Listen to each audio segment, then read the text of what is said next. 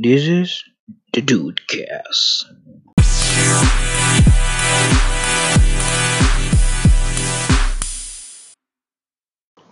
Ya welcome to Dudecast, Dude Podcast bersama gue Arfi.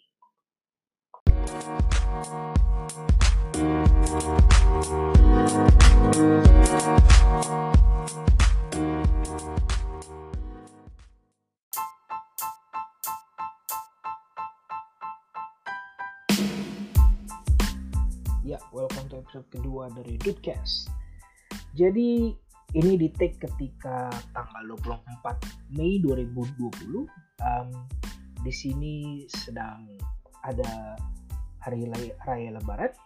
Jadi selamat hari raya Lebaran untuk semua yang merayakannya. Dan kali ini tentang kan. Tapi apakah itu startup? Gue jadi gue kali ini akan membahas tentang startup karena memang lagi karena memang lagi banyak orang banyak kan udah ingin membuat startup. Tapi gue menjelaskan dulu apa itu startup. Jadi startup itu dasarnya adalah sebuah perusahaan yang berjalan di bawah lima tahun alias perusahaan baru yang yang baru saja dirintis. Menurut Forbes, definisi makna startup juga mengandung memecahkan masalah yang ada di masyarakat. Jadi kalau dulu startup itu semua eh, semua bisnis yang baru berjalan terus disebut startup, tapi sekarang itu ada arti bisnis yang berbeda. Gitu. Arti bisnisnya arti bisnis startup sudah bergeser. Saat ini arti dari startup sendiri adalah sebuah usaha yang baru berjalan dan menerapkan inovasi teknologi untuk menjalankan core bisnisnya dan memecahkan sebuah masalah di masyarakat. Gitu. Jadi dari si dari pengertian ini bahwa memang startup itu harus membuat suatu inovasi teknologi untuk menjalankan core bisnisnya. Lu nggak bisa membuat suatu lu nggak bisa buat usaha gitu. Gue buat catering makanan, terus gue jadi startup itu nggak bisa karena lu harus menambahkan ada unsur teknologi di dalam core-nya. Contoh misalkan Gojek, Gojek itu kan di dalam core-nya itu adalah teknologi di mana ada menghubungkan antara pengguna dan penjual atau dia sebagai service provider tapi dia adalah perantara menggunakan teknologi. Yang kedua, contoh misalkan Google. Google itu melakukan teknologi untuk search engine. Sebenarnya dulunya kan sudah ada berkas file.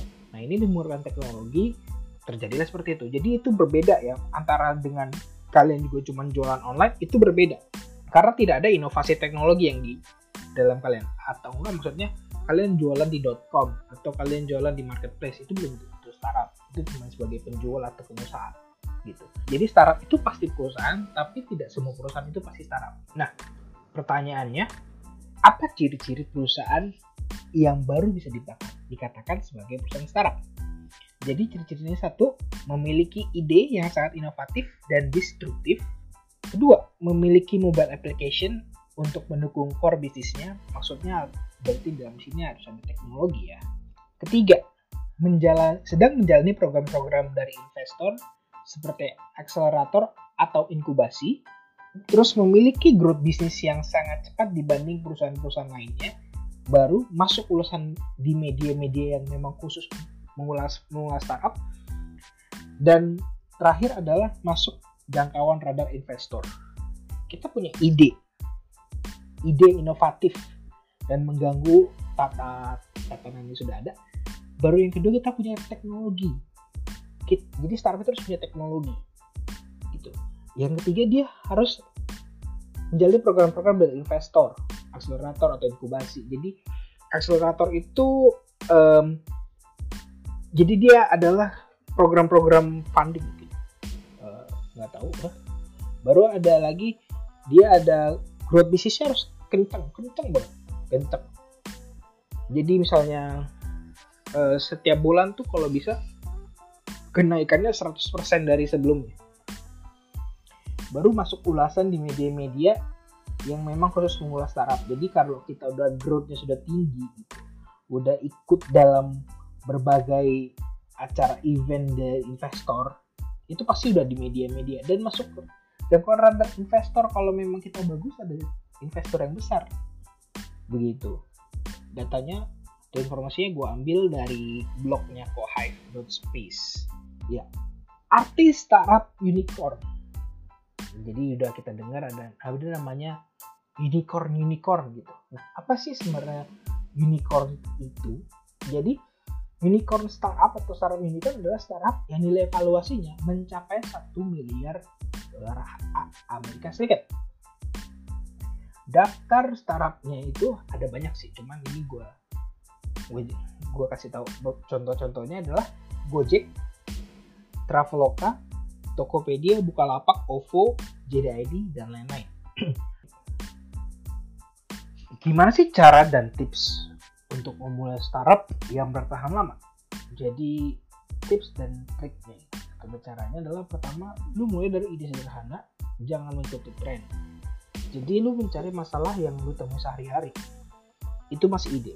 Lu kumpulin lu sebanyak-banyaknya ide. Baru kedua, lu menentukan tujuan yang jelas lu apa jadi ada visi misi lu harus ada tujuan yang ketiga lu harus menentukan analisis menentukan analisis target pasar pasar target pasar lu untuk si ide ini tuh siapa yang keempat lu harus menyusun target dan kerangka kerja. Jadi dan kita harus membangun pelan-pelan setahap demi setahap. Lu nggak mungkin misalnya lu kepengen gue sebesar ini tapi lu harus melakukan hal demi tahap jadi lu harus membuat kerangka kerja yang pas dan lu harus membangunnya setahap demi setahap demi setahap. Lu nggak akan bisa melompati tahap tersebut. Kemudian lu harus memiliki tim kuat yang kuat dan positif. Kenapa harus begitu? Karena kalau tim lu nggak kuat diterpa sedikit masalah baik itu ekonomi atau memang misalkan idenya tidak bagus gitu. Kita harus cari ganti ide gitu. Mereka akan langsung uh, langsung goyah gitu nggak nggak mau ikut lagi gitu. Jadi harus positif tetap positif. Salah satunya kita mencari co-founder dari lingkungan terdekat kita dari teman atau yang kita temui di sebuah event, event startup yang punya satu ideologis yang sama kemudian kita harus membentuk dan memelihara, memelihara budaya dan karakter perusahaan startup itu sendiri. Jadi dari awal kita harus membuat sebuah budaya dan karakter sehingga membuat orang tuh menjadi ingin sekali kerja di sana karena ada budaya da, budaya dan karakter. Contoh misalkan uh, ada yang ada pasti ada yang sering sering sering startup bilang ini uh, play play hard work harder. Nah itu itu salah satu budaya dan karakter yang harus dibangun. Yang next adalah fokus. Kita harus fokus menentukan tujuannya. Jadi ada targetnya kita harus fokus terhadap target-target tersebut untuk setiap stepnya baru kita harus minta feedback dari konsumen anda jadi ketika anda sudah menyiapkan kerja kerja anda tahap ini, tahap ini, tahap ini, tahap ini. Tapi kalau pasar tidak menerima, maka buat apa? Mendingan Anda minta feedbacknya, baru Anda perbaiki kalau memang harus diperbaiki dan atau kalau memang memang memang parah banget itu bisa diulang kerangka kerjanya dibuat ulang semua yang terakhir adalah membangun relasi dan juga berkolaborasi dengan tempat-tempat lain dengan perusahaan-perusahaan lain gitu. Ini informasinya gue dapat dari IDN Times dan Pohive ya segitu aja di sesi kali ini. Kita lanjut ke sesi berikut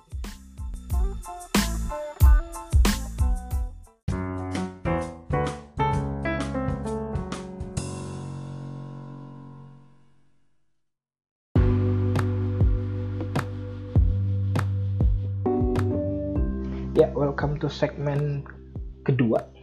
Jadi di sini gue kepengen berbagi cerita aja mengenai startup, gimana kerja di startup. Mungkin kalau lo yang udah pernah magang di startup, mungkin lo merasakan ini dan mungkin juga enggak gitu. Jadi karena gue sekarang bekerja di startup kecil yang memang multination, multination startup, bukan multination company. Eh, multination company, perusahaan startup company jadi gue multinational startup uh, jadi gue berurusan dengan Singapura Malaysia uh, India Filipina um, Australia dan Korea Korea Selatan. Jadi di tim tech gue atau tim engineering gue tuh ada di India semua di perusahaan sekarang. Jadi apa sih enaknya gitu? Enaknya adalah lu bisa mengerti gimana gimana budaya kerja orang luar gitu jadi budaya orang kerja orang luar tuh yang gue dapet ya yang gue dapet. Mungkin nggak semuanya tapi yang gue dapet ini adalah ketika lu ada sesuatu di benak lu dan itu mengganggu mengganggu untuk sebuah perusahaan laju perusahaan maka lu bisa langsung stand up dan bisa ngomong. Ngomong apa sih masalahnya gitu.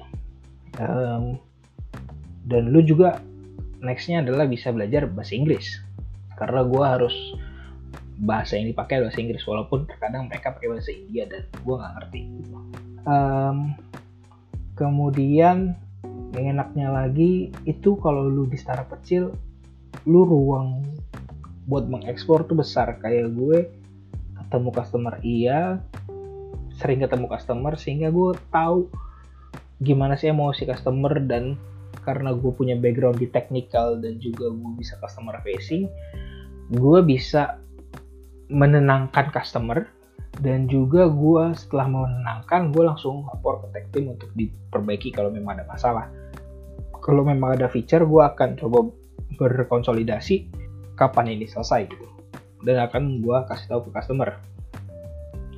Dan juga gue ikut misalnya ada project-project itu gue um, apa sih namanya requirement gathering. Jadi gue mengumpulkan informasi-informasi yang memang mereka butuhkan gitu.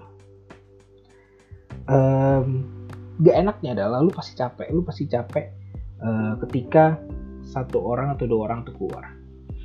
Jadi di perusahaan kecil itu ritme kerja itu tinggi. Kadang rendah kadang tinggi. Ya, memang gitulah kerja ya. Tapi kalau ketika saat ada satu pion atau ibarat satu gear itu keluar maka gear yang lain akan bekerja lebih cepat dua gear keluar maka yang lain lebih cepat lagi gitu. Dan ketika gear itu masuk misalnya ada orang penggantinya juga belum tentu bisa langsung in dalam waktu berapa hari gitu. Jadi hmm, seperti itulah. Nggak enaknya adalah lu capek aja gitu. Menghadapi menghadapi. Lu bakal bakal lebih lebih lebih capek gitu. lu bakal lembur. Apalagi kalau gue gue ini kerja di uh, startup yang fokus terhadap software EWMS atau warehouse management system baru gue itu di multi platform channel multi platform channel itu jadi dia itu agak susah dibilang ya jadi itu intinya adalah dia uh, software ini akan mengkonekkan beberapa marketplace menjadi satu. Itu banyak kok banyak kok yang yang yang yang menjual platform itu banyak gitu. Jadi mungkin lo baru denger ada namanya multi multi platform channel ya, multi channel platform gitu. Jadi ketika lo jualan di berbagai marketplace, maka order itu akan masuk di satu satu plat di satu software tersebut. Satu platform tersebut. Jadi tinggal lu proses ordernya dari situ.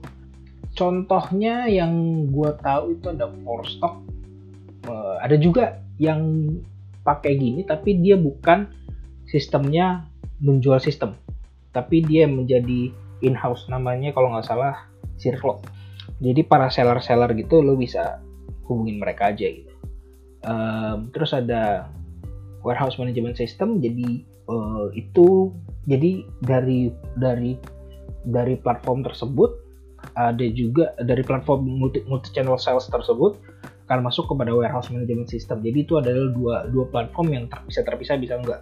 Tapi itu salah satu bentuk yang nice menurut gue. That's why I choose this company gitu. Uh, karena ini baru. Baru gue lihat maksudnya baru gue lihat. Dan ya bagus untuk ke depannya. Uh, sekarang kan jadi gue baru tahu ada namanya.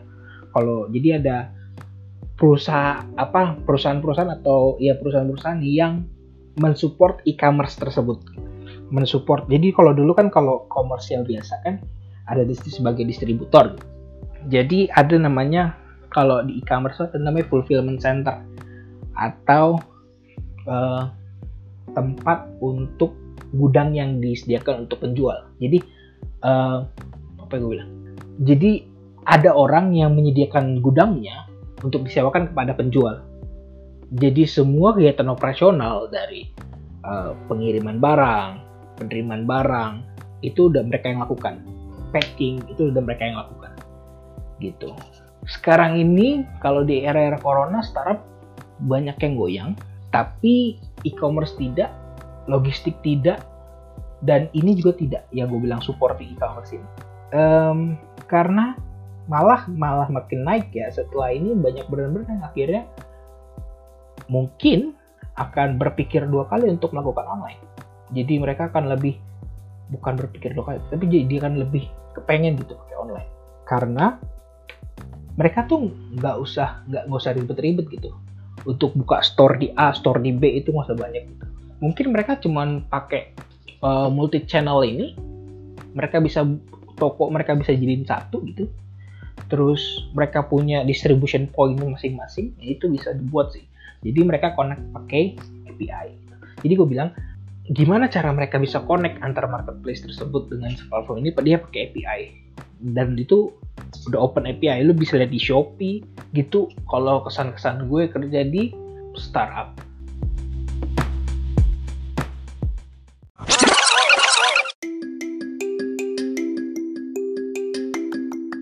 Ya, jadi itulah tentang startup. Jadi gue udah sharing, gue udah kasih tahu tentang startup dan sharing bagaimana kerja di startup. Kalau lo pengen ada sharing-sharing cerita atau lo kepengen memang kepengen sharing-sharing sesuatu yang mengenai diri lo, tinggal DM gue aja di Dude Indonesia. Itu di Instagram D O O D Indonesia. Um, lo bisa DM gue dan kasih tahu topiknya apa. Lo bisa kasih tahu gue.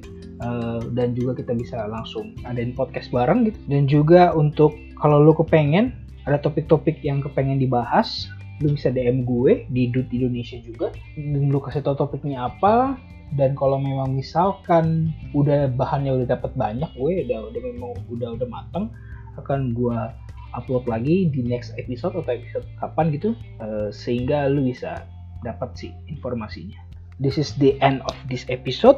Please stay safe stay healthy keep the distance out gitu lo harus ngelakuin PSBB karena sekarang PSBB and see you in the next episode of Dudecast. Goodbye